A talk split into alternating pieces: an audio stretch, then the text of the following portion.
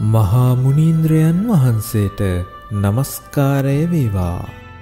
ජීවිත කාලය පුරාවටම විවිධ පුරුදු ඔස්සේ Tamanගේ ඕනෑපාකම් ඉටු කරගනිමින් අනාර්ය පරිේශණයේ සිදු කිරීම තුලින් විඩාවක් මිස තෘප්තියක් ඇති කරවන්නේ නැත.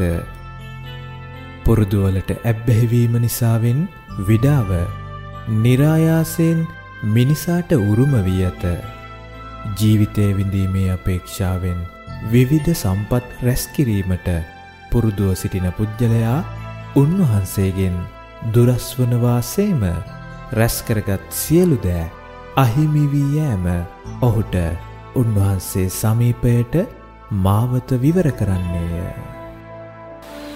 මේ හැම කෙනෙකුගෙම නිවන් මග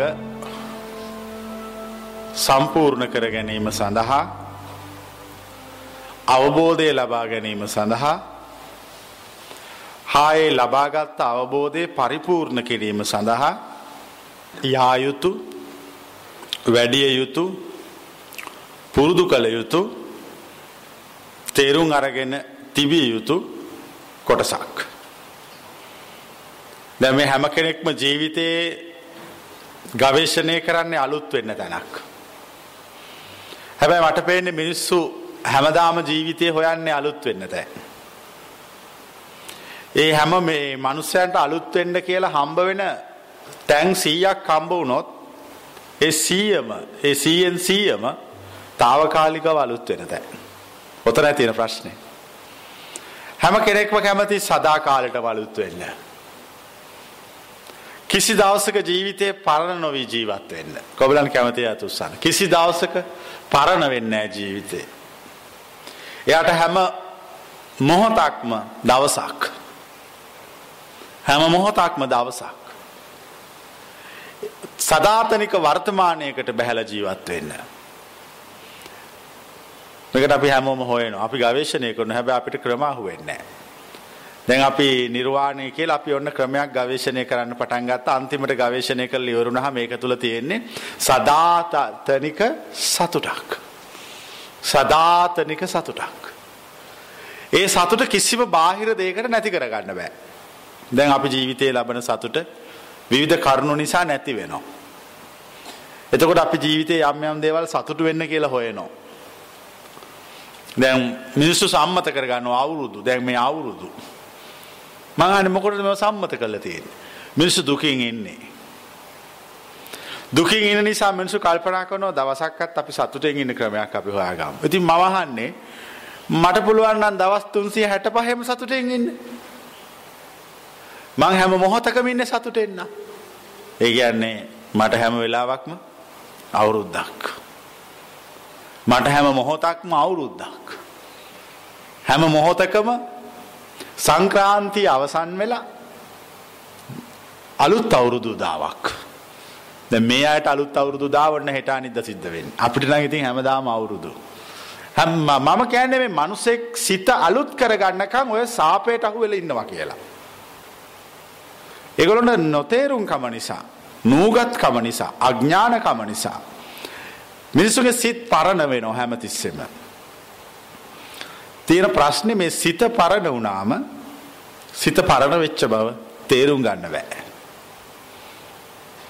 සිත පරණ වෙනකොට ටික දවසක් යනවා පරණ වෙලා. කලක් ගියාම තමයි අපිට තේරෙන්නේ සිත පරණ වෙච්ච බව. එතකොට අපිට ආයි සිද්ධ වෙනවා සිත අලුත් කරන්න. දැන් අලුත් කරලා තිබ්බහම ආයි ටික දවසකදී මොකද්ද වෙන්නේ? ඈ? ආයි පරණ වෙනවා. දැන් මං අහන්නේ මෙතනින් ගැලවෙන්නේ කොහොමද කියලා. හැම මොහොතකම කල්පනා කරන්න මගේ සිත පරණ වෙනවා නම් පරණ වෙන්නේ මගේ සිතේ අඩුවක් තියෙනවා. ඉපදිච්ච ගමන් ලදරුවෙකුගේ සිත පරණ වෙන්නේ නැහැ.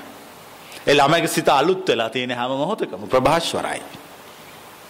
පබස්සන මිදම් භික්කවේ චිත්තං තංචකෝ ආගන්තුකෙහි උපක්කලෙසෙහි උපක්කලිට්ටං කුඩා ලදරුවෙක්ගේ සිත ප්‍රභාස්වරයි. හරි පැහැදිලි ඒ සිත. හැබැයි ජීවිතේ යම් දවසක එවැනි සිතක් මේ හැමෝටම තිබුණා. දැන් නැති වෙලා. දැන් ආයෙ මොකද්ද කරන්න වෙන්නේ? ආයෙතෙන්ට යන්න වෙනවා. ඒකට තමයි කියන මාර්ගය.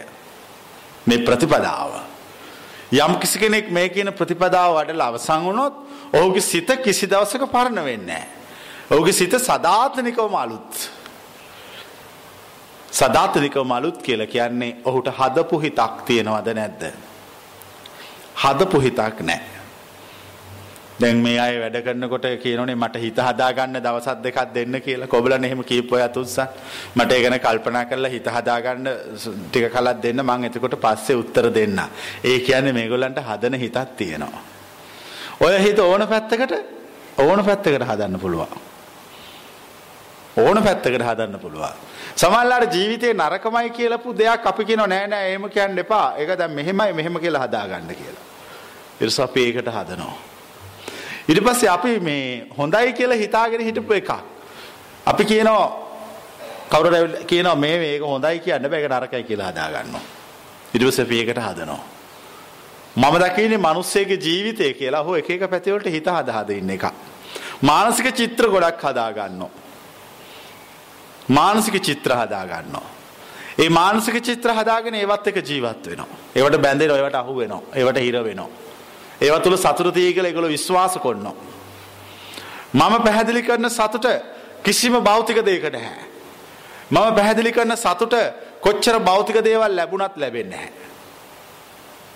දැන් මේ හැමෝගෙම සතුට භෞතික දේවල් උඩ තියෙන්නේ.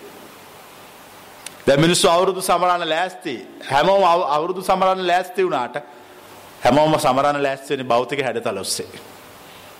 භෞතිකය වෙනස් කරන්නේ වටපිටාව වෙනස් කොන්න ඇඳුම් මාරු කොන්න හට්ටි මාරු කොන්න ලිප මාරු කොන්න ගිනි නිවනෝ පත්තු කොන්න ඒත් ඒ හිත්තවලට කවදක්කත් අවුරුද්දක් උදා වෙන්නේ ඒටි කොක්කොම කරනවා ඒ ඇතුළ ඉන්නේ වුණට කවුද? පරණ මිනිහ ජීවත් වෙනවා. මම කියන්නේ අරව එකක්කත් වෙනස් කරන්න එපා. ඔබේ ඇතුළ වෙනස් කරගණ්ඩ එවිට ඔබට හැම මොහොතක්ම හැම තත්පරයක්ම සුබ මුහුර්තයක්. සුව වෙලාවක්. ඒ ජීවිතය කිසිම අසුබක් පේන්නේ නැහැ. ජීවිතය කිසිම රාහු කාලයක් නැහැ. ජීවිතය කිසිම අගතියක් පේන්නේ මිනිස්සු ජීවිතය දෙකට බෙදලා තියෙනවා. මේ දෙකට බෙදපු සාපයට අහු වෙලා තියෙනවා. මේ ඔක්කොම දෙකට බෙදපු සාපේ උරුමකාරයෝ. මොකද දෙකට බෙදපු සාපේ කියන්නේ? දෙකට බෙදනවා. සැප දුක. සුභ අසුභ. හොඳ නරක. කවුරුවර එක්කෙනෙක් හොයාගත්තොත් රහසක් මේ ලෝකේ සදාතනිකව සන්තෝෂයෙන් ඉන්න. කිසිම භෞතික කරුණක් නිසා කඩාන වැටෙන සන්තෝෂයක්. මිනිස්සු තමන්ගේ රූප සෝභාව අඩු වෙනකොට කැමති වෙනවද අකමැති වෙනවාද. අකමැති වෙනවා. ඒ කියන්නේ ඒගොල්ලන්ගේ සන්තෝෂය භෞතික රූපය මත නදා පැවතුනා. මිනිස්සු ලෙඩවුනාම සන්තෝෂනවාද අසන්තෝෂ වෙනවාද. අසන්තෝෂ වෙනවා. ඒ කියන්නේ ඒගොල්ලන්ගේ සන්තෝෂය නිරෝගී බව මත නදා පැවතුණා. මිනිස්සු තමන්ගේ ධනෙ නැති වුණාම සන්තෝෂ වෙනවද අසන්තෝෂ වෙනවද? අසන්තෝෂ වෙනවා. ඒ කියන්නේ ඒගොල්ලන්ගේ සන්තෝෂය ධනෙ මත නදා පැවතුණා. මත තම තමන්ගේ දරුවෝ නැති වුණාම අත්තල්ලා දාලා ගියාම මිය ගියාම සතුට වෙනද දුක් වෙනවද? ඒ කියන්නේ ඒගොල්ලන්ගේ සන්තෝෂය දරුවෝ මත තිබුණා. පුත්තා මත්ති දනං මත්ති ඉති බාලෝ විහංජති. අත්තාහි අත්තනෝ නත්ති කුතෝ පුත්තා කුතෝ දනං. මෝඩ මිනිස්සු හිතනවලු මෙහෙම. මට පුත්‍රයෝ ඉන්නවා මට දරුවෝ ගොඩක් ඉන්නවා. මට ධනෙ තියෙනවා. මට කිසි දෙයක් ඕනේ නැහැ ඇති කියලා. ඒ කියන්නේ ඔහු ඒ වෙනකොට ඒවයි එවෙන් සන්තෝෂ වෙනවා. මේ හැමෝම භෞතික දේවල් වලින් සන්තෝෂ වෙනවා. ලැබුණාම සතුටු වෙනවා නොලැබුණාම දුක් වෙනවා. මං අහන්නේ මේ සාප ඉවර කරන්නේ කවදද කියලා. බැරිද මෙහෙම කරන්න. ලැබීම නොලැබීම එක සිතින් ගන්න. ඒ කියන්නේ දෙකේ වෙනසක් නැතුව දකින්නේ දෙකේ වෙනසක් පේන්නේ හිත හයියයි. ඕන දෙයක් බාර ගන්න ලෑස්ති. මිනිස්සුන්ගේ හිත දුර්වලයි. හිත හයිය නැහැ. මහා නිකන් මේ පාන් කඩ වගේ දිරලා තියෙන ඔක්කොම. හිත හයිය නැහැ. හිත හයිය නැති නිසා ඒගොල්ලෝ ඒගොල්ලෝ රුචි අරුචි කියලා දෙකක් බෙදාගෙන තියෙනවා. කැමැති අකමැති කියලා දෙකක් බෙදලා තියෙනවා. ඒ හිත හයිය නැති මිනිස්සු හැමදාම හිත හදාගන්න රුචි දේවල් හොයනවා. මං කියනව තේරෙන අතුස්සන්න. හැමදාම ජීවිතේ හිත හදාගන්න රුචි දේවල් හොයනවා. කැමති දේවල් හොයනවා. කැමති දේවල් හොයන්න පටන් ගත්තම සාපේට හසු වෙනවා. අකමැති දේවල් හොයන්න පටන් ගත්තාම සාපේට හසු වෙනවා. කැමති අකමැති කියන දෙකෙන් අයින් වුණාම සාපයෙන් ගැලවෙනවා. යම් කිසි කෙනෙක් සදාකාලිකවම කැමති අකමැති කියන එක මනසින් අයින් කළා දැම්මොත් ඔහු කවුද? ඔහු රහතෙක්. ඔහු මාර්ගය අවසන්. ඔහුට රුචි අරුචිකම් පිළිබඳ කිසි හිතට බලපෑමක් නැහැ. හිත හදන්න බෑ. දැන් මේ හිත හදාගෙන තියෙනවාද? මේ හදාගත්ත හිත කියනවා අහවල් දෙක කන්න කියලා. එතකොට ඒක කනවා. ඊට පස්සේ හිත කියනවා අහවල් දේ විඳින්න ඕන කියලා. එතකොට ඒක විඳින්න ඕන. ඊට පස්සේ ඒ හිත මේ හදපු හිත කියන ඒවා. ඊට පස්සේ කියනවා මෙහෙ යන්න එපා. එහෙ යන්නේ මෙහෙ යන්න එපර එහෙ යනවා.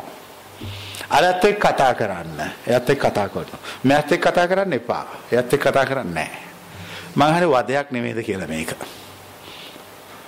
ඈ මේ බලන්න මම ඉන්න නිදහස.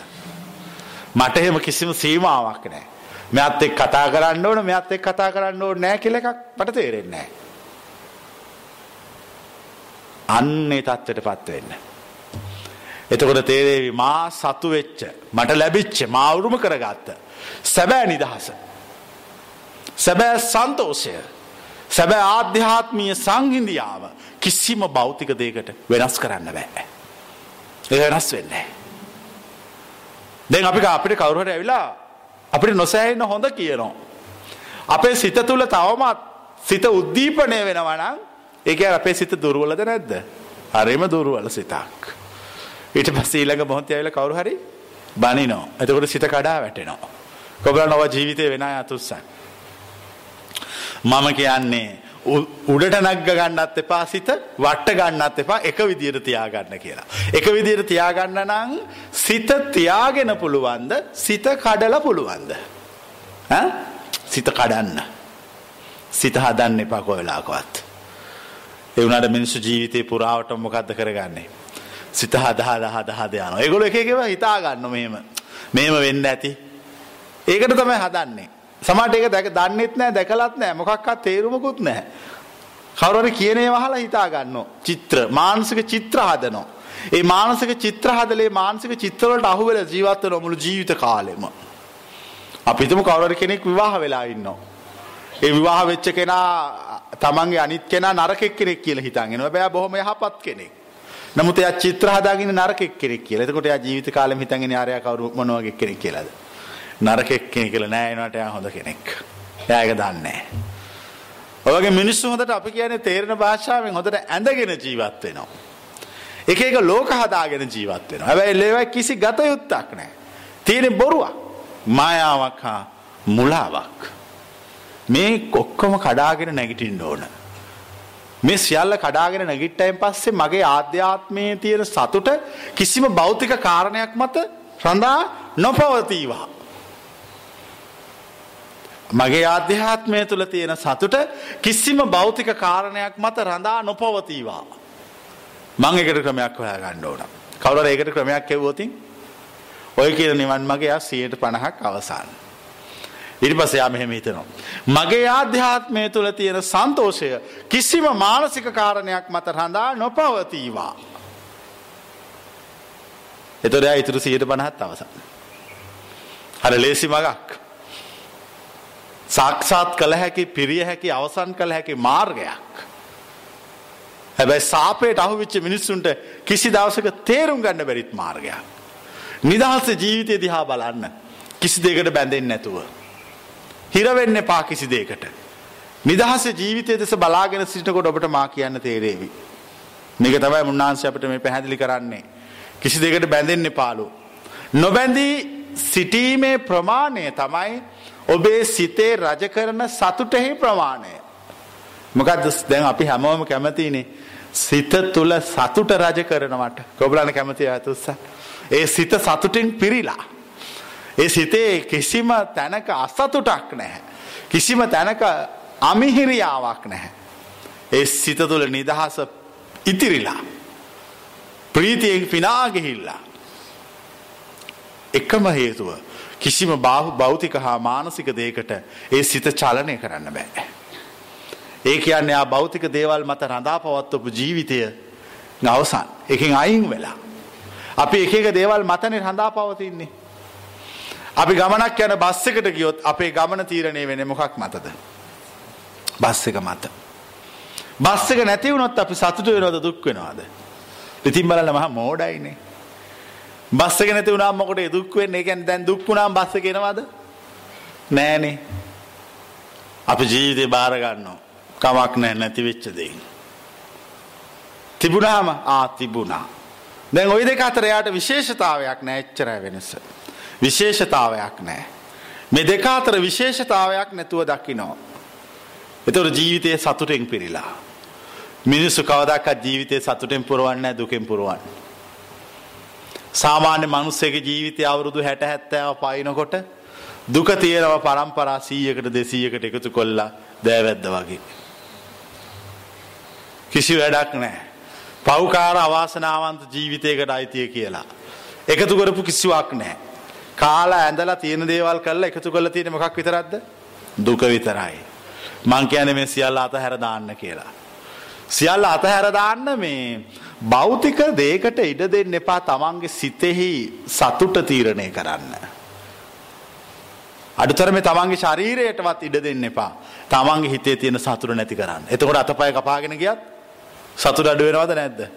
සතුට අඩු වෙන්නේ ඒ ආධ්‍යාත්මික සංහිඳියාව අඩු වෙන්නේ මනසට ඇතිවෙච්ච ප්‍රීතිය සොම්නස අඩු වෙන්නේ අන්න එතෙන්ටපත් වෙන්න ඕන. මිනිස්සු එතෙන්ටපත් වෙන්නේ නැතුව භෞතික දේවල් ඔස්සේ සතුටක් හොයන්න යනවා.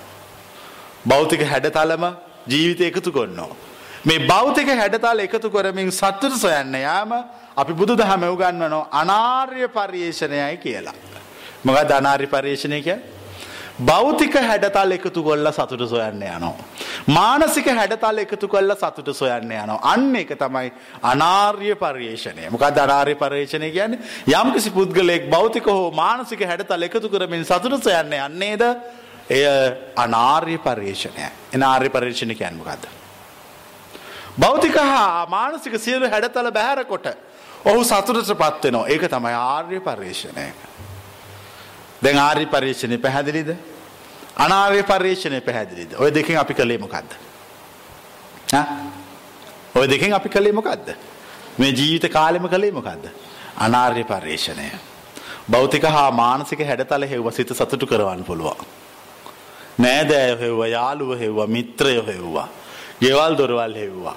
මේ එකක්කත් ඕන්නෑ. මේ කිසිම දෙයක් ඕන්නෑ. නෑ. ඒ කියන සංහිඳියාව සන්තෝෂය ඔබේ ඇතුලාන්තයේ පවතින්නක්. එතෙන්ටයි අපි එන්න ඕන. ඒ ඇතුලාන්තය තුළ තියෙන සංහින්දියාව ගවේශණය කරන්න පටන්. ඒකට කිසිම හැබැයි දැන් අපි ගවේශණය කරන්න යනවා. අපි දැන් ගවේශණය කොන්නෝ. අපි ගවේශණය කරනකොට අපිට ඕක වරදින තැන් තියෙනවා. අපි මේ තාක් අපිට කුඩා කාලේ ඉඳන් අපිට ගෙදරින් ඉගැන්නුවේ භෞතික දේවල් මත සතුටු වෙන්න කියලා. කුඩා ලදරුවෙක් කුට මුලින්ම සෙල්ලම් බඩු ගෙනත් දීලා ඒ ළමයා මොනව කරනවද? ඔන්න ඔය කියපු උගලට අහු කරනවා. එතකොට ඒ ළමයා සතුටු කරවන්නේ මොනව ඔස්සේද? ඈ? සෙල්ලම් බඩු ඔස්සේ. ඊට පස්සේ ඒ ළමයාට කෑම දීලා සතුටු කරවනවා.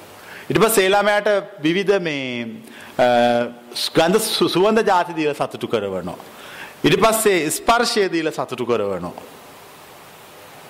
එතකොට ඒක ආර්ය පරිශ්‍රණයද අනාර්ය පරිශ්‍රණයද? ඒක අනාර්ය පරිශ්‍රණය. භෞතික හා මානසික හැඩතල ඇති කරවමින් ඒ භෞතික හා මානසික හැඩතල හිත තුළ පෝෂණය කරවමින් සතුටු වෙන්න ක්‍රමයක් හොයා ගන්නවා. ඒක හැබැයි ලේසිද අමාරුද? ඒක ලේසි. මේ හැමෝම මේක කරපු අය. මේ දේශනාව අහන කිසිම කෙනෙක් නෑ ඔය කියන සන්තෝෂය නොලබපු. භෞතික දේවල් වලින් සතුට ලැබුවද නැද්ද? ලැබුවා. ලැබුවා. දැන් භෞතික දේවල් වලින් සතුට ලබන්න ගියාම ප්‍රශ්නයක් තියෙනවා. මෙන්න මේකයි ප්‍රශ්නේ. දැන් මේ මගේ අතේ තියෙන කොළ කෑල්ලක්. මාස 3ක 4ක ළමයෙකුට මේ කොළ කෑල්ල දුන්නොත් ඒ ළමයා දවසම මොකද කරන්නේ මේකත් එක්ක? ඒ ළමයා සෙල්ලම් කරනවා. දැන් ඊට පස්සේ ළමයා අපි ළමයාට ඉස්කෝලේ ආවලා ලොකු කරලා අවුරුදු 20කින් විතර අර පරණ විදියට මායි ගිහලා මේ જાතිය කොල කෑල්ලක් දෙනවා. ඒක ඇවිල්ලා කියනවා මට ඕවා ඕනේ මට දීපන් 5000 කොල 20ක් කියලා. මොකක්ද ඉල්ලුවේ? 5000 කොල 20ක්. ලක්ෂයක් ඉල්ලුවා මේකේ පාළු.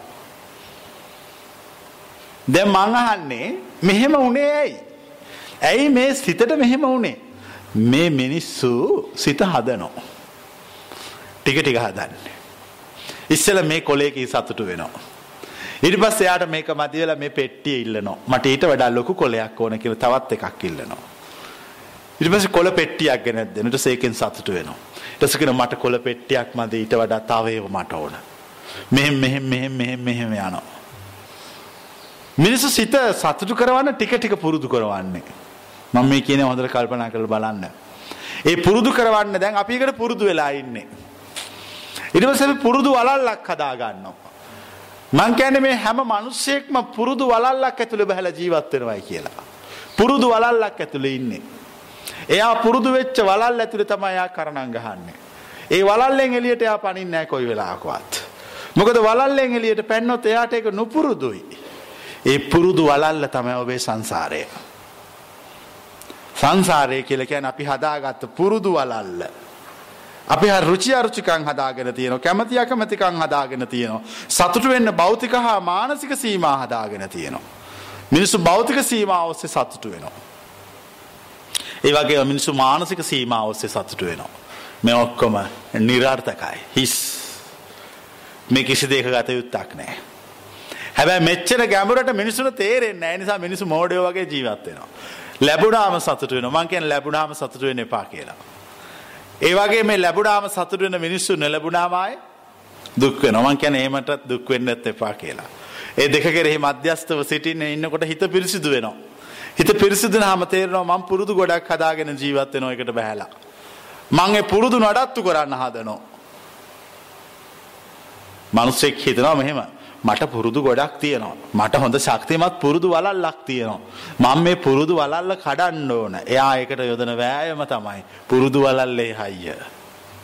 මං කියනවා තේරෙනවද? එයා ඒක කඩන්න සටන් කරනවා. ඒ තමයි එයාගේ පුරුදු වල හයිය.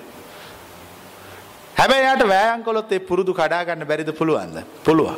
මොකද අපිම හදාගත්තුවනේ. අපි එක එක දේවල් වලට පුරුදු වුණා. ඒ පුරුදු වෙච්ච නිසා සතුට නැති වුණා. පුරුදුනාම කවදාකත් සතුටක් තියෙන්නේ නැහැ. එතන විඩාවක්මයි පවතින්නේ. පුරුද්ද තියෙන තැන විඩාවක් පවතිනවා. පුරුදු අහිමි වෙච්ච තැන සතුට පවතිනවා. දැන් මේ හැමෝම ජීවිතේ සතුටනේ හොයන්නේ. එහෙනම් පුරුදු වලට මොකක් කරන්න ඕනේ? ඈ? පුරුදු කඩ කඩ විනාශ කරන්න ඕන. පුරුදු වලල්ලෙන් පනින්න ඕන එළියට. ඒක එළියට පනින්න ඕන. ඒකට වටිනකම අයින් කරන්න ඕන. දුක එකතු කිරීම නවත්තන්න ඕන. ජීවිතේ සන්තෝෂය එකතු කරන්න පටන් ගන්න ඕන. සන්තෝෂ එකතු කරන්න ගියහම පරිස්සම් වෙන්න ඕන. භෞතික හැඩතල ඔස්සේ එකතු කරන්න එපා. එක එක හැඩතල දාගන්න මේ මගේ කාමරේ. මේ මගේ වතුර බන කෝප්පේ. මේ මගේ පුටුව.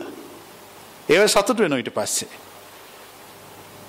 ඉරසේව නැති වුණාමයි එස දුක් වෙනවා. එක එක ඒවා හදාගන්න මේ මගේ කමිසේ. මේ මගේ කලිසම. මේ මගේ සහෝදරයෝ නෑදෑයෝ මේ එක එක ඒවා හදාගන්නවා. හදාගෙන ඒව දිහා බල බල ඒවා සතුටු විය හැකි දේවල් වශයෙන් හිතට දෙනවා. මේවා සතුටු වෙන්න පුළුවන් දෙයක් මේක තියාගන්න. එතකොට සිත ඒවා මෝඩකමට විශ්වාස කරනවා. විස ඔන්න ඕක තමයි මිනිස්සුගේ ජීවිතය කියලා මට පේන ඔයට වඩා මුකුත් පේන්නේ නැහැ. මිනිස්සු හරියට දුක් විඳිනවා. අසහනෙන් අසතුටෙන් පිරීලා. හැබැයි ඒකෙන් සියලු දෙනාටම ගැලවීමක් ලැබෙනවද නැද්ද? එහෙම අවදාකත් දෙන්නේ නැහැ ගැලවෙන්නේ. ඒ ගැලවෙන්න දෙන්නේ ඥානයේ වැඩිම ටික දෙනෙකුට. මම මේ කරන දේශනාව තේරෙන්නේ මේ මනුස්ස ලෝකේ ඉන්න වැඩිම ඥානවන්තයන්ට පමණයි. වෙන කිසිම මෝඩයෙකුට මේක තේරෙන්නේ නැහැ. ඔලුවට තියාගෙන ගියත් තේරෙන්නේ නැහැ. ඒක තේරුම් ගන්න පුළුවන් එයාට හොඳ ඥානයක්, කල්පනා ශක්තියක් තියෙන්න ඕන. ප්‍රඥා මහිමයක් තියෙන්න ඕන. පූර්ව කෘත පුණ්‍ය බලයක් තියෙන්න ඕන. පෙර පින් කළා තියෙන්න ඕන. පුබ්බේච කත පුඤ්ඤතා. හුඟා පින් කරපු කෙනෙක් වෙන්න ඕන. පාරමී පුරපු කෙනෙක් වෙන්න ඕන. ඒගොල්ලන්ට මේ කියන එක තේරෙනවා. නැති කාටවත් තේරෙන්නේ නැහැ. ඒගොල්ලෝ අර පරණ සංසාර පුරුදු වලල්ලට අහු වෙලා ජීවත් වෙනවා. ඒගොල්ලෝ එකෙන් එළියට පනින්නෙත් නැහැ. පැවිද්දෙක් වේවා ගිහියෙක් වේවා පුරුදු වලල්ල තුල ජීවත් වෙනවා. මිනිස්සු බයයි පුරුදු වලල්ලෙන් එළියට එන්න. එතකොට මිනිස්සු කල්පනා කරන අපෝ අපි මේ පුරුදු ඔක්කොම නැති කරගත්තොත් අපේ අනන්‍යතාවය නැති වෙලා යනවා. ඒ අනන්‍යතාවයට මමත්වයට ති ආසාව කෑදරකම නිසා මිනිස්සු පුරුදු වල වහල්ලු වෙලා ජීවත් වෙනවා. මිනිස්සු වහල්කම් කරනවා පුරුදු වලට. පුරුදු වලට වහල්කම් කරනවා. මම ප්‍රශ්නයක් අහලා උත්තර දෙන්න. වැසිකිලි බාල්දි පිරිසිදු කරන මිනිහෙක් ඉන්නවා. වැසිකිලි වලවල් සුද්ධ කරන මිනිහෙක්. ඒ මිනිහාගේ වෘත්තිය තමයි වැසිකිලි වලවල් සුද්ධ කිරීම. මම අහන්නේ ඇයි ඒ මිනිහා වැසිකිලි වලවල් සුද්ධ කරන්නේ? ඒ විනට බැරිද අපි වගේ ඉන්න? පුළුවන්. ඒ ඉන්න විදිහ හිතා ගන්න බෑ. එයාට හිතා ගන්න පුළුවන් එකම විදිය තමයි අරක අරව කර කර එයාගේ ජීවිකා වෘතියක් හොයාගෙන තියෙනවා. ඒකට හේතුව තමයි අර පුරුදු වලල්ලෙහි සාපේට ඔහු අහුවේ ජීවත් වෙනවා. ඔහු හදාගත්ත පුරුදු රවුමක් තියෙනවා. ඒ රවුම තුල තමයි එයා ජීවත් වෙන්නේ. ඒ රවුම තියෙනකම් මරයට වැසිකිලි වල සුද්ධ කරන්න වෙනවා. ඒ වගේ තමයි ඔබටත්. ඔය සංසාර කියන එකට අහුවෙලා ජීවත් වෙන ඔය පුරුදු ගොඩට අහුවෙලා ඒක කඩන්න ඕන. සිත පිරිසිදු වෙන්න ඕන. සිත අලුත් වෙන්න ඕන. දැන් ඔන්න සිත අලුත් වෙන්න කියලා කියනවා. සිත පිරිසිදු කරන දහම අහනවා. හැබැයි සිත පිරිසිදු කරන දහම අහල ඉවර වෙලා ඊට පස්සේ සිත පිරිසිදු කරන දහමට අහු වෙනවා. ඒක මොකක්ද ඊළඟ? ඒ තමා යා හදාගත් අලුත් පුරුදු වලල්ල. අලුත් පුරුදු වලල්ල. දහමට අහු වෙලා ජීවත් වෙනවා. ලෝකේ අහුවිය යුතු දේවල් වලින් භයානකම දේ තමයි ධර්මය. අහුවෙන්න එපා. කුල්ලූපමම් භික්කවේ ධම්මන් දේශිස්සාමේ නිස්සරණත්තායනෝ ගහනත්තාය. මහණෙනි මම ධර්මය කියමි අල්ලා ගැනීමට නොවා අතෑරීමට. නිස්සරණත්තායනෝ ගහනත්තාය අල්ලගන්න නෙවෙයි කියන්නේ අත්තරින කියන්නේ. දැන් අත්තරින කීප අල්ලගත්තොත් මොකද්ද වෙන්නේ? මිනිස්සු පුරුදු හැමතිස්සෙම කඩලා ඒ පුරුදු වෙනුවට ධර්මයෙන් පුරුදු හදා ගන්නවා. හදලා ඒක තුල ජීවත් වෙනවා. ඒක තුල කලක් ජීවත් වෙනකොට යාට හිතෙනවා මම දැන් හොඳ කෙනෙක්. මං ගොඩාක් යහපත් කෙනෙක්. මල්ලඟ තියච්ච නරක පුරුදු දැන් එකක්වත් නැහැ. මං ගා ධර්මකාමී. ධර්මකාමී කියලා. ඒ ධර්මකාමී බව තුල යා මමත්වයේ රජ කරවන්න පටන් ගන්නවා. ඒක හරියට මේ වගේ. එයාගේ ජීවිතය අවාසනාවන්තයි. එයා ඒකෙන ආර්ය මාර්ගය සාක්ෂාත් කරන්න නැහැ කොච්චර ධර්මකාමී වුණත්. හේතුව ඒ ධර්මයට හසු වෙලා ජීවත් වුණා. පුරුදු කඩමින් අලුත් පුරුදු හදාගත්තා. වැරදි. කිසිම වෙලාවක දැන් කෙනෙක් හිතනවා මෙහෙම. මුන්වහන්සේ කරන දේශනාව තමයි ලෝකෙ තියෙන එකම බුද්ධ වචනය. එතන එහා කිසි කෙනෙකුට මේ දේශනාව අතික්‍රමණය කරන්න බෑ කවදාකවත්. අතීතයේ අතික්‍රමණය කරපු කවුරුවත් නැහැ. වර්තමානයේ අතික්‍රමණය කරන්න සමර්ථ වෙච්ච කවුරුවත් නැහැ. අනාගතයේ අතික්‍රමණය කරන්න පුළුවන් කෙනෙක් පහළ වෙන්නේ නැහැ. එහෙනම් මේ දේශනාව තමයි ලෝකෙ තියෙන එකම සත්‍ය. එකම පරම සත්‍ය. ඒ පරම සත්‍ය කාටවත් දෙවෙනි කරන්න බෑ. ඒක දෙවෙනි කරන්න බෑ කාටවත්. වාද කළා වේවා, තර්ක කළා වේවා කිසිම දෙයකින් ඒක පරාජයටපත් කරන්න බෑ. කොච්චර මේ බොරු කියවලා නින්දා අපහාස කළත් නැති කරන්නත් බෑ. ඒ තමයි පරම සත්‍ය කියන්නේ ඒක ලෝකේ එකයි ඒ જાතියව තියෙන දෙකක් නෑ. ඒක අඳුර ගන්න පුළුවන් එකම විදිහක කිසිම වාදයකින් තර්කයකින් බිඳින්න බෑ. කවුරුවත් මූණ ඉස්සරහට ඇවිල්ලා හිට ගන්නත් බයයි වාද කරන්න හිටගත් තොතින් කකුල් දෙක වෙවුලලා ඇදගෙන වැටෙනවා. එච්චරට තේජස් සම්පන්නයි බල සම්පන්නයි ඒ සත්‍ය. කවුරුරි කල්පනා කරනවා මා එවැනි සත්‍යයක් අහපු කෙනෙක්. මං එසේ මෙසේ කෙනෙක් නෙවෙයි මං ටිකක් හොඳට ඇඟපත හොල්ලලා යන්න පටන් ගන්න ඕන. එමියා මොඩෙක්. මේ කාටවත් අයිති වෙච්ච ධර්මයක් කරේ තියාගත්ත මෝඩෙක්. කිසි වැඩක් නැහැ. අහන්න අහන්න මොකද්ද වෙන්න ඕන? අහන්න අහන්න නිහතමානී වෙන්න ඕන. අහන්න අහන්න නිවෙන්න ඕන. සේවකයා වෙනවද ස්වාමියා වෙනවද? සේවකයා වෙන්න ඕන. යම් කිසි කෙනෙක් මේ ආර්ය විනය තමන්ගේ මමත්වය ධර්ම මමත්වය කියලා කියන්නේ. තමන්ගේ ලොකුකම ඇති කරගන්න සාධකයක් වශයෙන් පාවිච්චි කළොත් ඒක හරියට බෙලිගහක පිළිලයක් හැදුනා වගේ වෙනවා. මොකක්ද ඒ උපමාව? බෙලිගහක පිළිලයක් හැදෙනවා. අපි අහලා තියෙනවා සාම්ප්‍රදායික දේව කතාවල සඳහන් කරලා තියෙනවා ශ්‍රී කාන්ති වෘක්ෂස්තල නිත්‍යවාස භූතම් කියලා. විශ්ව දෙවියන්ගේ උර උඩලු ලක්ෂ්මී දේවිය වාසය කරන්න. ශ්‍රී කාන්ති වෘක්ෂස්තල නිත්‍යවාස භූතා. ඒ කියන්නේ විෂ්ණුගේ කොතනේ ලක්ෂ්මී ඉන්නවා කියන්නේ උරේ උඩලු ඉන්නවා කියලා කියන්නේ. ඒ හින්දා මිනිස්සු විශ්වාස කරනවා විශ්ණු දෙවියෝ තමයි බෙලිගහ. ඒගොල්ලෝ විශ්වාස කරන විදිය. ඒකේ පිළිලයක් හැදුනොත් ඒ කවුද පහළ වෙලා තියෙන්නේ?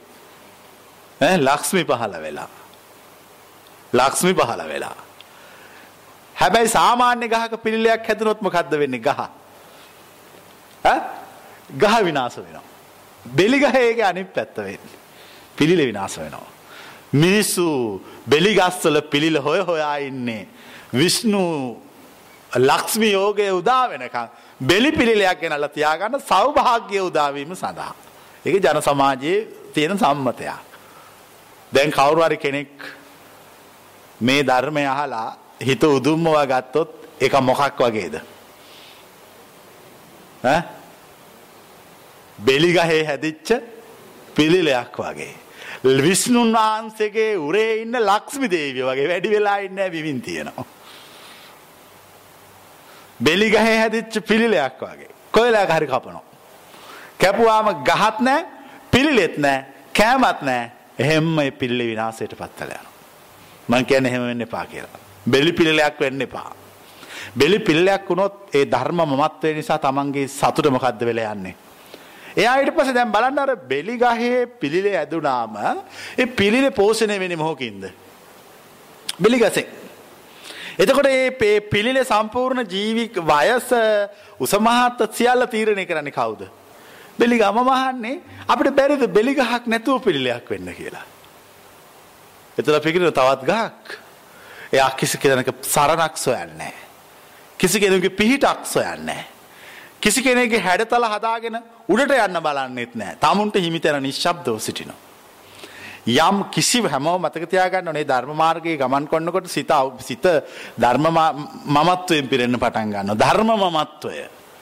මම දැන් නිවන් මඟ හොයාගත්ත කෙනෙක් මම මෙවැනි උතුම් දහමක් අනුගමනය කරන කෙනෙක්. කිසි අතීතයේත් අනාගතයේත් වර්තමානය යන කාලත්‍රයෙහි කිසිවෙකුට පරාජය කළ නොහැකි. කිසිවෙකුට දෙවෙනි කළ නොහැකි. අපරාජිත දහමක උරුමක්කාරයෙක්. එයා එකෙන් හිත උදුම්මා ගන්නවා. හිත උදුම්මා නොගත යුතුයි. ලොකුකං ඇති කර නොගත යුතුයි. තව තවත් නිහතමානී විය යුතුයි.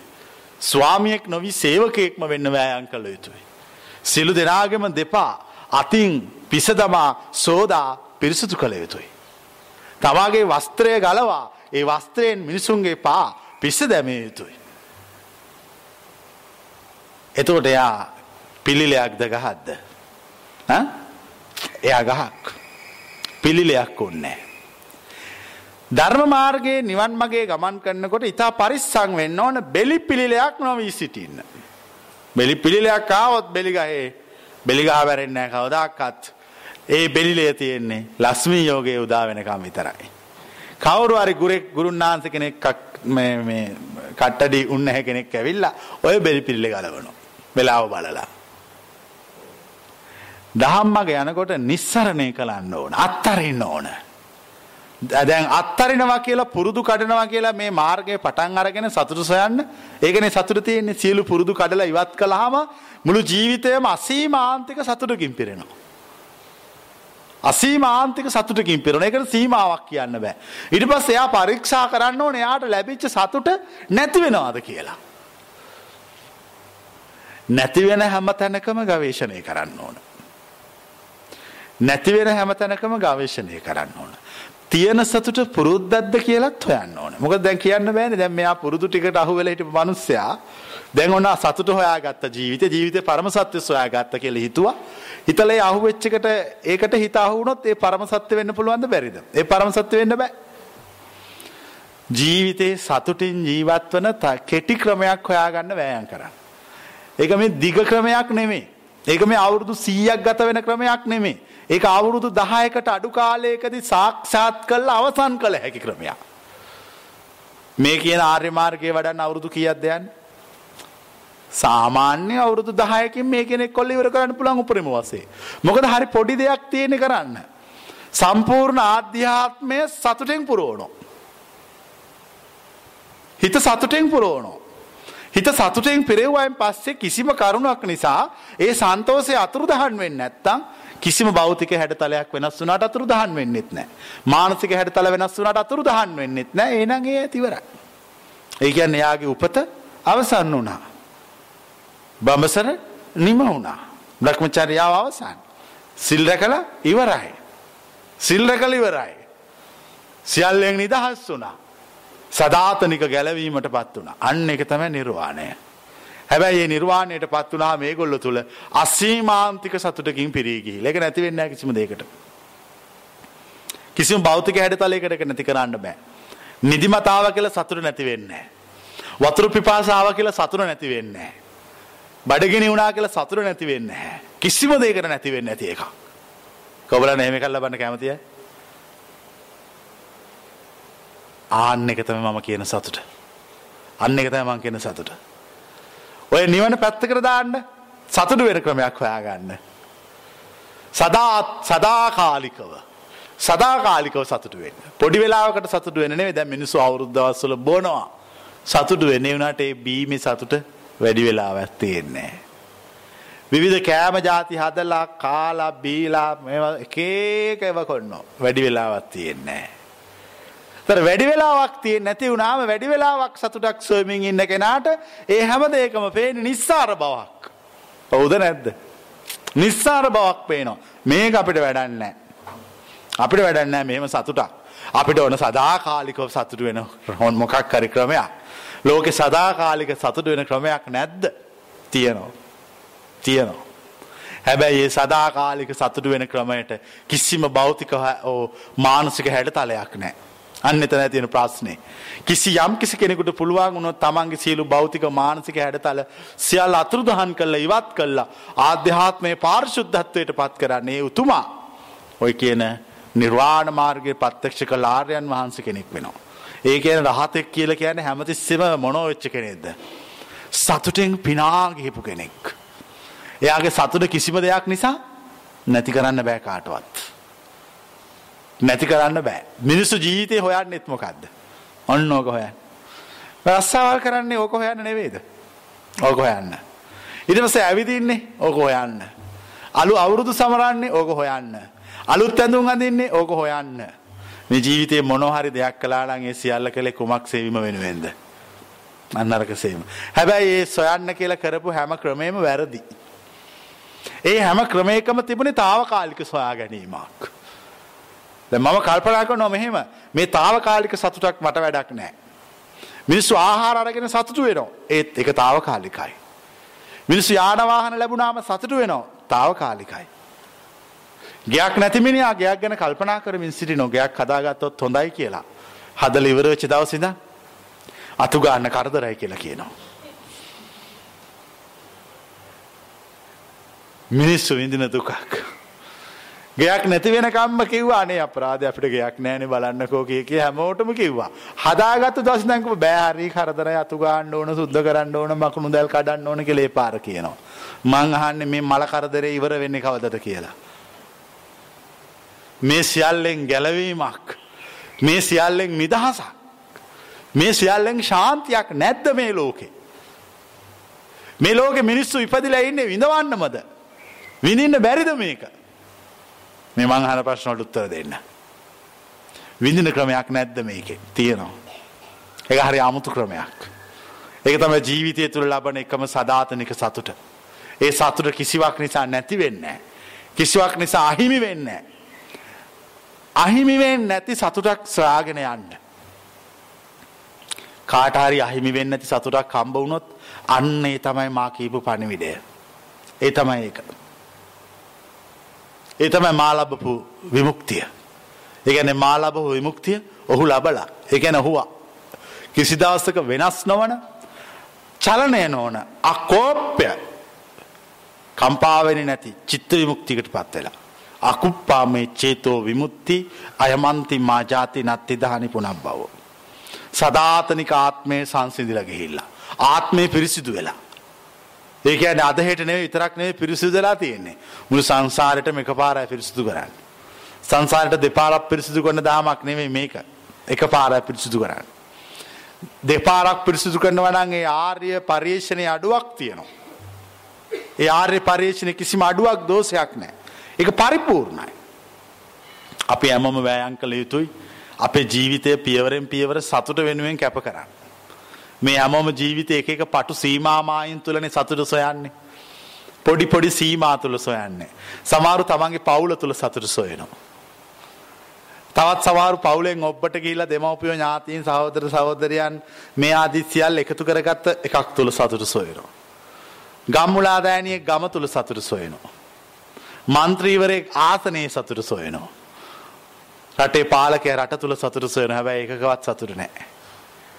ඒ සතුරු තියන්නේ යාගේ සියලු භෞතික හැඩතල අත්තරියාම. ඔබේ සිත කම්පා කරවන්න ඉඩ දෙන්න එපා කිසිම භෞතික දේකට. අපි හිතමු වටින දෙයක් නැති වුණා. කම්පාන තුස්සල්. තමගේ වටින දෙයක් නැති වෙලා. ආදීදල කම්පා වෙන්න පමහෙම කියන්න. වටින දෙයක් නැති වෙලා. හොඳම වැඩේ මට වනේ. මගේ වටින දේවල් නැති වෙනකොට මා උන්වහන්සගේ පැත්තර ලං වෙනවා. මං කෙපක තේරුණාද. මගේ වටින දේවල් නැතිවෙල යනකොට මා උන්වහන්සේ දෙසර ලං වෙනවා. මට භෞතික වසයෙන් වටින දේවල් වැඩි වෙනකොට මා උන්වහන්සගෙන් දුරස් වෙනවා. මා කියන දේ තේරෙනවාද. භෞතික දේවල් වලින් ඔබ හැඩ කරන විට මාල දාලා මුදු දාලා ඇඳුම් අන්දල සපත්තු දාලා එක එකව දාලා වටිනකම භෞතිකව වැඩි කොන්නකොට මගෙන් ඔබ දුරස් වෙනවා. භෞතික දේවල් අහිමි කරගන්නකොට අහිමි වෙනකොට මා දෙසර ලං වෙනවා. දැම් මං අන්නේ මා දෙසර ලං වෙනවද මගෙන් දුරස් වෙනවද කියලා. මා දෙසර ලං වෙන්න. එතන තමයි සධාතනික සහනය පවතින්. ඔය ඔය ඉන්න තැන සධාතනික සානය නෑවක තාවකාලිකයි. නැති වෙනවා. මම කියන නැතිවෙන් නැති එකක් ගැන. ඒ කිසිව කාරණයක් නිසා නැතිවෙන්න. හොඳයි නැතිවෙන්න ඕන්න මේ හැමම දැන් අවුරුදු ගාඩත් තිසි මේ නොනේ. ද මගේ සතුට මගේ ප්‍රීතිය පිනායාම වැඩි වෙලාදන අඩු වෙලාද. ඒක ආකාරීද. ඒක එන්න එන්න වැඩි වෙනවා. ඉතින් ඒකට එන්නකෝ. ඔය එක ගුණගොඩවල් හොය හොයා භෞතික දේවල් වල දාසකං කර කර වැඩකාරකං කර කර තමන්ගේ ආත්මයට වැඩකාරකං කොන්නවා.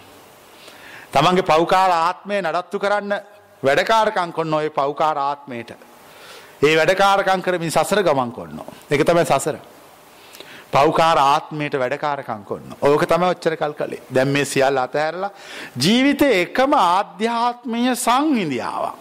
සතුටක් සොයන්න. එක තියෙන තමුල් ළඟ. කිසිම භෞතික දේකට බැඳෙන් එපා. අඩුතරමේ ධර්මය කෙරෙහිවත් මමත්වයෙන් ලොකුකමින් ඉන්න එපා. ධර්මය කෙරෙහි මමත්වයෙන් ඉන්න ගියොත් අර බෙලිගහක හැදිච්ච පිළිලේ වගේ වෙනවා. එක්කෝ වෙලා කර විනාස වෙනවා. එක විනාස වෙනවා. මහා විශ්ණුන් වහන්සේගේ කරේ ඉන්න ලක්ෂ්මී දේවිය වගේ වෙනවා. කොවිලා කර බිමින් තියෙනවා. කකුල් දෙක ළඟින් තියන්න බිමිනුත් නෙමෙටියක් ඈතින් තියන්නේ. ඒක තේරුම් අරගන්න ඕන ජීවිතේ. තේරුම් අරගෙන අර තමන්ගේ සියලු භෞතික දේවල්වලට දීපු වටිනකම් මොනෝ කොල්ල දාන්න ඕනද. අයින් කරන්න ඕන. අයින් කල්ල බලන්න ඕන ක්‍රමයක් නැද්ද මේ ලෝක ක්‍රමයක් කිසිම භෞතික දෙයක් දේවල් නැතුව සතුටයගෙන වටිනකම අයින් කල්ල දාන්න ඕන. එක තාපසයෙක් හිටිය. මේ තාපසර කිසිම ඇඳුමක් තිබුණෙත් නෑ. ඔහු ගහක් ඇටට වෙලා වාඩි වෙල්ලා ජීවිත කාලම ජීවත් වුණා. දවසත් දනවත් මනුස්සයෙක් මෙතනින් ගියා. යනකොට මේ මනුස්සය බැලුවා මේ තාපසේ අවුරුදු ගානක් වෙතෙන්ටල වාඩි වෙලෙනවා කිසිම ඇඳුමක්ත් කිසිම දෙයක් නෑ. මම වෝම දනවත් කෙනෙක්. මම යමක් දෙන්න ඕන මේ තාපසයට. කියල හිතල ඉවර වෙලා ලස්සන වලලු දෙකක් හැදවා. රත්තරංගොලින්. වල්ලු දෙකක් හදලට තාපසය හොයාගෙන ඉල්ලක තාපසතුමනි ඔබතුමා බොහෝම කාලයක් තිසි තපස් රකිනවා. මේ ගහ යට ඉන්ඩෝ. මම වහා දනවතෙක් මට හිතන ඔබතුමාට යමක් පූජ කරන්න ඕන මගේ ධනේ. මම මේ ලස්සන වල්ලු දෙකක් ඇදුව රත්තරන් වලින් මේක දාගන්න මට ලස්සන බලන්න ඕන කියලා ඔබතුමාගේ. තාපසයගේ අත අල්ලලා අර වලල්ලක් දැම්මා. දැම්මම තාපසය මෙහෙම බලලා වලල්ලක් ගලවලා අනිත් වලල්ල අතේ තියාගෙන එක වලල්ලක් වීසි කරා. ඉස්සරහා තිබුණේ ගඟක්. එතකොට අර ධනවත් මනුස්සයා කම්පාවටපත් වුණා. අපරාධි මම මෙච්චර වේදම් කළා. මම ලක්ෂ ගාණක් වේදම් කළා මේ වලලු දෙකට. තමුන්නාන්සේ ලස්සන කරන්න ගෙන ඇවේ. අන්න තමුන්නාන්සට වල්ල දාපුකම ගලවල විසි කර කොතෙන්ටද විසි කරේ මෙන්න මෙතෙන්ට කිලිතුරක විසි කරා.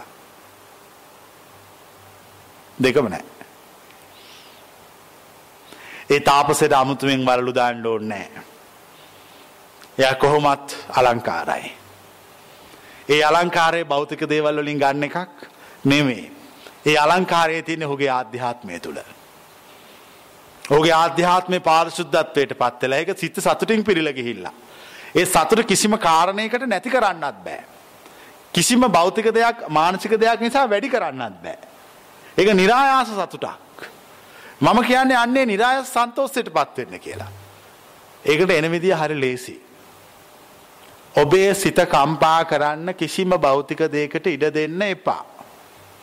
කම්පා වුණොත් සිත කල්පනා කරන්න ඒ ගැන. මගේ සිත කම්පා වුණා. මගේ දවල් කෑම එක නැති වුණා මගේ හිත කොච්චර රිදුනද? ඒ කියන්නේ කෑම එක නැති වුණාම මෙච්චර රිදෙනවා නම් කෑම දෙකක් නැති වුණාම කොච්චර රිදේවිද?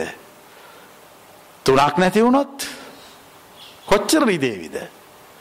ඊට පස්සේ මගේ ඇඳුම් නැති වුණොත් මට කොච්චර රිදේවිද? අපේ ගේ හොරු කඩා ගත්තොත් මට කොච්චර සාපයකට හසු වේවිද? මට නැද්ද ක්‍රමයක් මේ සියල්ල සිද්ධ වුණත් චලනය නොවි කම්පා නොවී ඉන්න. අන්න ඒක තමයි මා දන්න ක්‍රමය. පුට්ටස්ස ලෝක ධම්මේහි චිත්තං යස්සන කම්පති. ලෝකේ ලෝකය කොච්චර කම්පා වුණත්. ලෝකෙ කොච්චර හෙල්ල හෙල්ලුණත් සිත කම්පා කර නොගන්න. ඒ සිත කම්පා වෙන්නමයි බලන්නේ. සිත කම්පා වෙන්න බලනකොට බොහොම සිහියෙන් ඉඳලා මේක අල්ල ගන්න ඕන නැත්නම් මේකට අහු වෙනවා. ධර්මයටත් අහු වෙනවා. කුල්ලූපමම් භික්කවේ ධම්මං දේශිස්සාමේ නිස්සරණත්තාය නෝගානත්තාය. මහණෙනි මම ධර්මයේ පාරුවකට උපමා කරමි. පාරුව අවශ්‍ය වෙන්න ඊතර වෙන්න විතරයි. ඒක කරට ගන්න එපා කවුරුවත්. ඒක බිම තියන්න. තියලා නිදහසේ යන්න. ඒකෙන් තමන්ගේ මාන්නක්කාරකම අදාගන්න එපා. අවබෝධය මාන්නය පිණිස යොදා ගන්න එපා කොයි වෙලාවකවත්. සේවකයෙක් වීම පිණිස අවබෝධය යොදා ගන්න ස්වාමියෙක් නොවී කකුල් සෝදවා ගැනීම පිණිස නෙවෙයි අවබෝධය යොදාගන්නේ. අපි හැමෝම කරන්නේ කකුල් හොදව ගන්න එකනේ අනිත් අයට කියවලා. අනිත් අයට කියනවා අපේ කකුල් හොදලා රෙදි කෑල්ලකින් පිස දාන්න කියලා. මම කිය අනිත් පැත්ත කියනවා. අනිත් සියලු දෙනාගේම කකුල් සෝදා උඹගේ වස්ත්‍රය ගලවා පිස දාපන්. සේවකයෙක් වෙන්න එපා ස්වාමියෙක් වෙන්න. අන්න එහෙම වෙන්න වෙන්න ඔබ මේ කියන දහමට ලං වෙනවා. සතුටට ලං වෙනවා. සතුට තියෙන අපේ ඇතුළේ. ඇතුළේ තියෙන සතුට අපිට හොයාගන්න බෑ. මනුස්සෙකුට සල්ලි මනුස්සෙකුට මැණිකක් දෙනවා වටින. ඒ මනුස්ස එක කොහරි තමන්ගේ ඇඳුමේ සාක්කුවක දාගන්නවා. අවුරුදු හැට හැත්තෑවක් මේක හොය හොය හැම තැනම යනවා. හදිස්සියේ උඩ සාක්කුවේ තිබිලා හම්බ වෙනවා. දැන් යාට එයා ගැන ලැජ්ජාවයි සතුටයි දෙකම බලන්න මෙච්චර හැම තැනම හෙව්වා. ඒ වුණාට මේ සාක්කුවේ තිබිලා තියෙන්නේ. ඒ වගේ තමයි මම මේ කියන නිවන් මඟ. මම මේ කියන ධර්ම මාර්ගය. ඒක තමන් ළඟ තියෙන්නේ. ඒ සදාතනික සංහිඳියාවට සතුටට පත් වෙන්න පුළුවන්. ඒකට ගවේෂණය කරමින් යන්න ඕන. හිත වැටෙන හැම තැනක්ම පරීක්ෂාවෙන් සිටින්න ඕන. හිත වැටෙන තැන පරීක්ෂාවෙන් ඉන්නවා වගේම හිත උදුම් වෙන තැන්. හිත ලොකුකම් හදාගන්න තැන්. හිත මාන්නක්කාරකමින් පිරෙන තැන් සොයසොයා බලබල කඩන්න ඕන. එතොට එයාගේ හිත නිදහස්. භෞතික දේවල් චලනය කරන්න බැහැ. භෞතික දේවල් නිසා කම්පනයට පත්වෙන්න හැ. බාහිර පුද්ගලයෝ නිසා හිත වෙනස් වෙන්නේ නෑ. දැ මේ හැමෝටම තියෙන රෝගයක්නේ මානසික රෝගයක් න එක.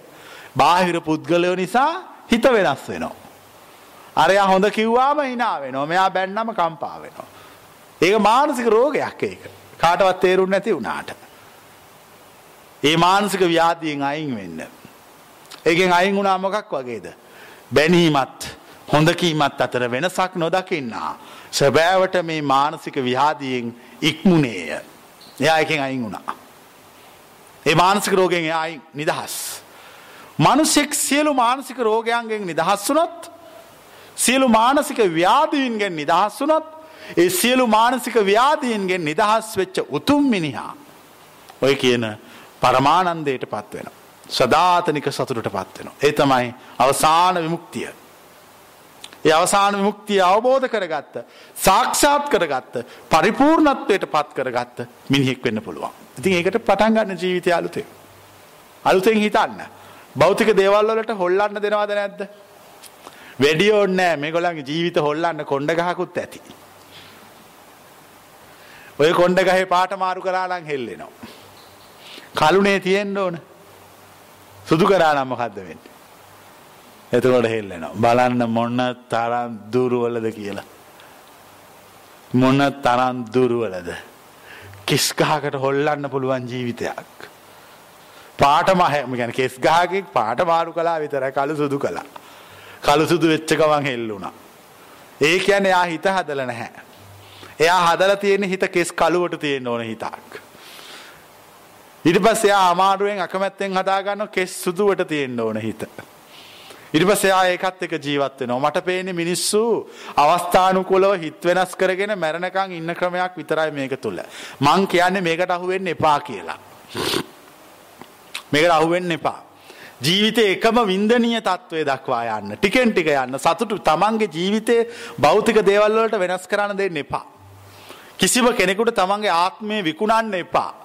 තමන්ගේ ආත්මය උගස්තියන්න එපා.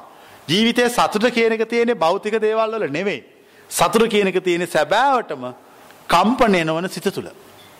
සිතකත් කම්පණය නොවන තත්තර ටික ටික පත් කරගන්න. එක සැරට එක් කරන්න බෑ. පොඩ්ඩ පොඩ්ඩ කරන්නේ. කෙස් ගහකට කම්පණය වෙන ඊට පස්සේ අපි කෙස් ගහකට කම්පණය නොවෙන්න හදා ගන්නවා. ඊට පස්සේ පොල් ගහකට කම්පණය නොවෙන්න හදා ගන්නවා. ඔහොම ඔහොම ඔහොම ඔහොම හිත හයිය කරගන්න ඕන. හිත හයිය වෙන්න හයිය වෙන්න තමයි සිත ප්‍රභාස්තර වෙන්නේ. සිත හයිය වෙන්න හයිය වෙන්න තමයි සිත ආලෝකමත් වෙන්නේ. සිත හයිය වෙන්න හයිය වෙන්න තමයි අර අඩුපාඩු දුර්වලකම් ඔක්කොම හොඳට පේන්නේ. ඒ අඩුපාඩු දුර්වලකම් පේනකොට තමයි මාර්ගය විවෘත වෙන්නේ. යා යුතු නොයා යුතු කළ යුතු නොකළ යුතු දේ තමුන්ට වැටහෙන්න පටන් ගන්න. තමුන්ගේ ගුරුවරයා තමා තුළ සිටි. තමාගේ ගුරුවරයා තමා තුළ සිටි. තමාගේ ගුරුවරයා අඳුනගන්න බැරිකම නිසා මිනිසු සාපයකට අහු වෙලා. තමාගේ ගුරුවරයා අඳුනගන්න හිත පිරිසිදු කරගන්න. කිසිම වෙලාවක තමුන්ගේ නිවන් මග ඉදිරි ගමනට බාධාවක් කරගන්න එපා. දැන් හුඟක් අය හිතාගෙන නිවන් දකින්න ගියා. දැන් ඔයා ඔක්කොම නේම වෙන්නේ නැහැ. ඒක බාධාවක් කරගන්න එපා ඉදිරි ගමනට. තමන් තමන්ගේ නිවන් මඟ වඩන්න පියවරෙන් පියවර. හැබැයි ඒක බාධාවක් කරගන්න එපා ජීවිතයට. ජීවිතයට බාධාවක් වෙනවා කියලා කියන්නේ එයායි වඩපු මගට එයා හිර වෙලා ඉන්නවා. ඒ වඩපු මග තුල එයා සිටිනවා. එතකොට අපි අර කලින් උපමාව මතක් කරන ඔය බෙලි ගහක පිළිලයක් හැදිලා. ඒක වැඩි දවසක් තියෙන්නේ නැහැ. කවුරු හරි ගුරු මේ කට්ටඩි මහත්තයෙක් ඔක දැක්කොත් කපාගෙන යන වෙලාවක් බලලා. ඒ නිසා එසේ නොවි හැම මොහොතකම වෑයම් කරන්න ඕන ලෝකෙ තියෙන එකම සදාතනික නිවීම හොයන්න. සදාතනික ශාන්තිය හොයන්න. ඒ සදාතනික ශාන්තියට පත්වෙන්න ඕන. අකම්පිත මනසක අයිතිකාරයෙක් වෙන්න. කම්පාවෙන සිතක අයිතිකාරයෙක් වෙන්න එපා. කම්පාවෙන සිතක අයිතිකාරකම් කියන්නෝ මෝඩයෝය. කම්පාවන සිතක සිතට අයිතිවාසිකං කියන්නෝ මෝඩයෝ. අකම්පිත සිතකට අයිතිවාසිකං කියන්න ඥානවන්තයා. දැන් මං අහන්නේ අකම්පිත සිතක අයිතිය කියනවද කම්පා වෙන සිතකට අයිතිය කියනවද කියලා. අකම්පිත සිත සිත චංචල නොවී තියාගන්න. සිතට සිත කම්පා නොකර කරගන්න. කිසිම භෞතික දෙයකට තමන්ගේ හිත වෙනස් කරන්න ඉඩ දෙන්න එපා. ආත්ම ශක්තියෙන් ආධ්‍යාත්මයෙන් පුරවන්න. හයිය කෙනෙක් වන්න. ආත්ම ශක්තියෙන් පිරෙන්න පිරෙන්න තමයි තමුගේ ජීවිතයට ආලෝකය. ආත්ම ශක්තියෙන් පිරෙන්න පිරෙන්න තමයි තමුන්ගේ ආධ්‍යාත්මයට එලියක් වැටෙන. නැත්තම් අවාසනාවන්ත, පෞකාර, අභාග්‍යවන්ත ජීවිතයක්. ජීවිතේ වාසනාවන්ත වෙන්න ඕන. යහපත් වෙන්න ඕන. ගුණවත් වෙන්න ඕන. ඒ වීම සඳහා සිත හදන්න එපා සිත විසුරුවන්න. සිත කම්පා නොවෙන තත්ත්වයට පත් කරගන්න. කම්පා නොවෙන හිතක් හදාගන්න. කිසි දෙයකට කම්පා කරන්න ඉඩ තියන්න එපා. කිසි කෙනෙක් නිසා හිත හොල්ල ගන්නත් එපා. දැන් අපි හිතමු මොකෙක් හරි බලු කුක්කෙක් හරි නරි පැටියෙක් හරි මොකෙක් හරි දැකලා තමන්ගේ හිත හෙල්ලුණා නම් ඒ කියන්නේ නරි පැටවුන්ටත් හොල්ලන්න පුළුවන් එකක්. කිසිම වැඩක් නැති හිතක්. කිසිම වැඩක් නැති හිතක්. කිසිම තේරුමක් නැහැ. ඒ කියන්නේ හිතේ කිසිම හයියක් නැහැ. හයියක් නැහැ. කිසි කෙනෙකුට හොල්ලන්න බැරි හිතක් හදාගන්න. හොල්ලන්න බැරි හිතක් හදාගන්න නම් කළ යුතු එකම එක දේ තමයි ජීවිතයේ සැබෑවටම සතුට සොයාගෙන යන්න වෑයම් කරන්න. ආධ්‍යාත්මය සන්තෝෂයෙන් පුරවන්න. ඒ පිරවීම තුළ පුරුදු වලට අහු වෙන්න එපා. පුරුදු වලල්ලකට කොටු වෙන්න එපා. ඒ වලල්ලෙන් එළියට පැනලා නිදහසේ ජීවත් වෙන්න. ඒ නිදහසේ ජීවත් වෙනකොට ඔබට තේරේවි ඔබේ සියලු පුරුදු නැති වෙලා ඔබ පුරුදු වලින් අයින් වෙච්ච කෙනෙක් වෙච්ච බවන්න එක තමයි මාර්ගය. ඒක තමයි නිදහස. ඒක තමයි ගැලවීම. ඒක තමයි ශාන්තිය. ඒ නිදහස ගැලවීම ශාන්තිය සොයාගෙන යන්න. එහෙම නැත්නම් ජීවිතේ කිසි වටිනකමක් නැහැ. කිසි එලියක් නැහැ ජීවිතේ. සදාකාලික අන්ධකාරයක පිරී ගියපු අවාසනාවන්ත ජීවිතයක්. කිසිම එලියක් වැටෙන්නේ නැහැ. එක එක භෞතික දේවල් වලට චලනය කරවන්න පුළුවන්. මොකක් හරි පෙන්නලා හොල්ලන්න පුළුවන්. තව මොකක් හරි පෙන්නලා ආයෙ හොල්ලන්න පුළුවන්. මේක ඉවරයක් නැහැ. මේක ඉවරයක් සොයා ගන්න ඕන. මේක අවසානයක් නිමාවක් තියෙන්න ඕන. අවසානයක් නිමාවත් තියෙන නම් කිසිවකට කම්පා නොවෙන අකෝප්‍ය චලනය නොවෙන අචල්්‍ය සිතක් හදාගන්න ඕන. ඒ සිත හැදීම සඳහා සියලු පුරුදු ඉවත් කරන්න ඕන. පුරුදු ඉවත් කර වෙනකොට සිත හයිය වෙනවා. හයිය වෙන සිත කිසිම භෞතික දේකට කම්පා කරන්න බෑ. මානසික තත්ත්වයකට සොල්ලන්නත් බෑ. ඔය දෙකෙන් ඉස්සෙල්ල හිත පුරුදු හදාගන්න භෞතික දේවල්වලට කම්පා නොවෙන්න. ඊට පස්සෙ පුරුදු කරගන්න මානසික දේවල්වලදි කම්පානෝ වීතියාගන්න එච්චරයි. ඔය දෙක කරගත්තොත් ඔබ ජීවිතය දිනුම්. ඔය දෙක කරගත්තොත් ඔය ටික කරගත්තොත් කිසිම පුරුද්ධකට අහුවෙන් නැති හිතක් හදාගත්තොත් පුරුදුවලට හසු නොවන සිත සැබෑ ආධ්‍යාත්මීය සන්තෝසය කරාගවන් කොන්න. පරමානන්දයට පත්වෙනවා. ඔහු නිරපේක්ෂ වින්දනීය තත්ත්වයට පත්වෙනවා. ඒ තමයි නිවන් සැප. අන්න එක තම නිවන් සැප කිය නිවන් සැප කියන්නේ මැරුණාම ලබන එකක් විදින එකක් නෙමේ අමූලික බොරුවක්. නිවන් සැප කියලා කියන්නේ පණ තියෙන මිනිස්සු ලබන සතුටක්. සියල්ල අතහැරලා සියල්ල කරේ නිරපේක්ෂක වෙලා ඉන්න මිනිස්සු ලබන එකම වින්දනය තමයි නිවන් සැප. ඒක නිරපේක්ෂකයි වින්දනීය. ඒකට සාපේක්ෂකයක් කියන්න බෑ. අහවල් සැප වගේ කියලා කියන්න බෑ. එහෙම කියන්න බෑ. ඒ සියල්ලට වඩා එක සැපයක්.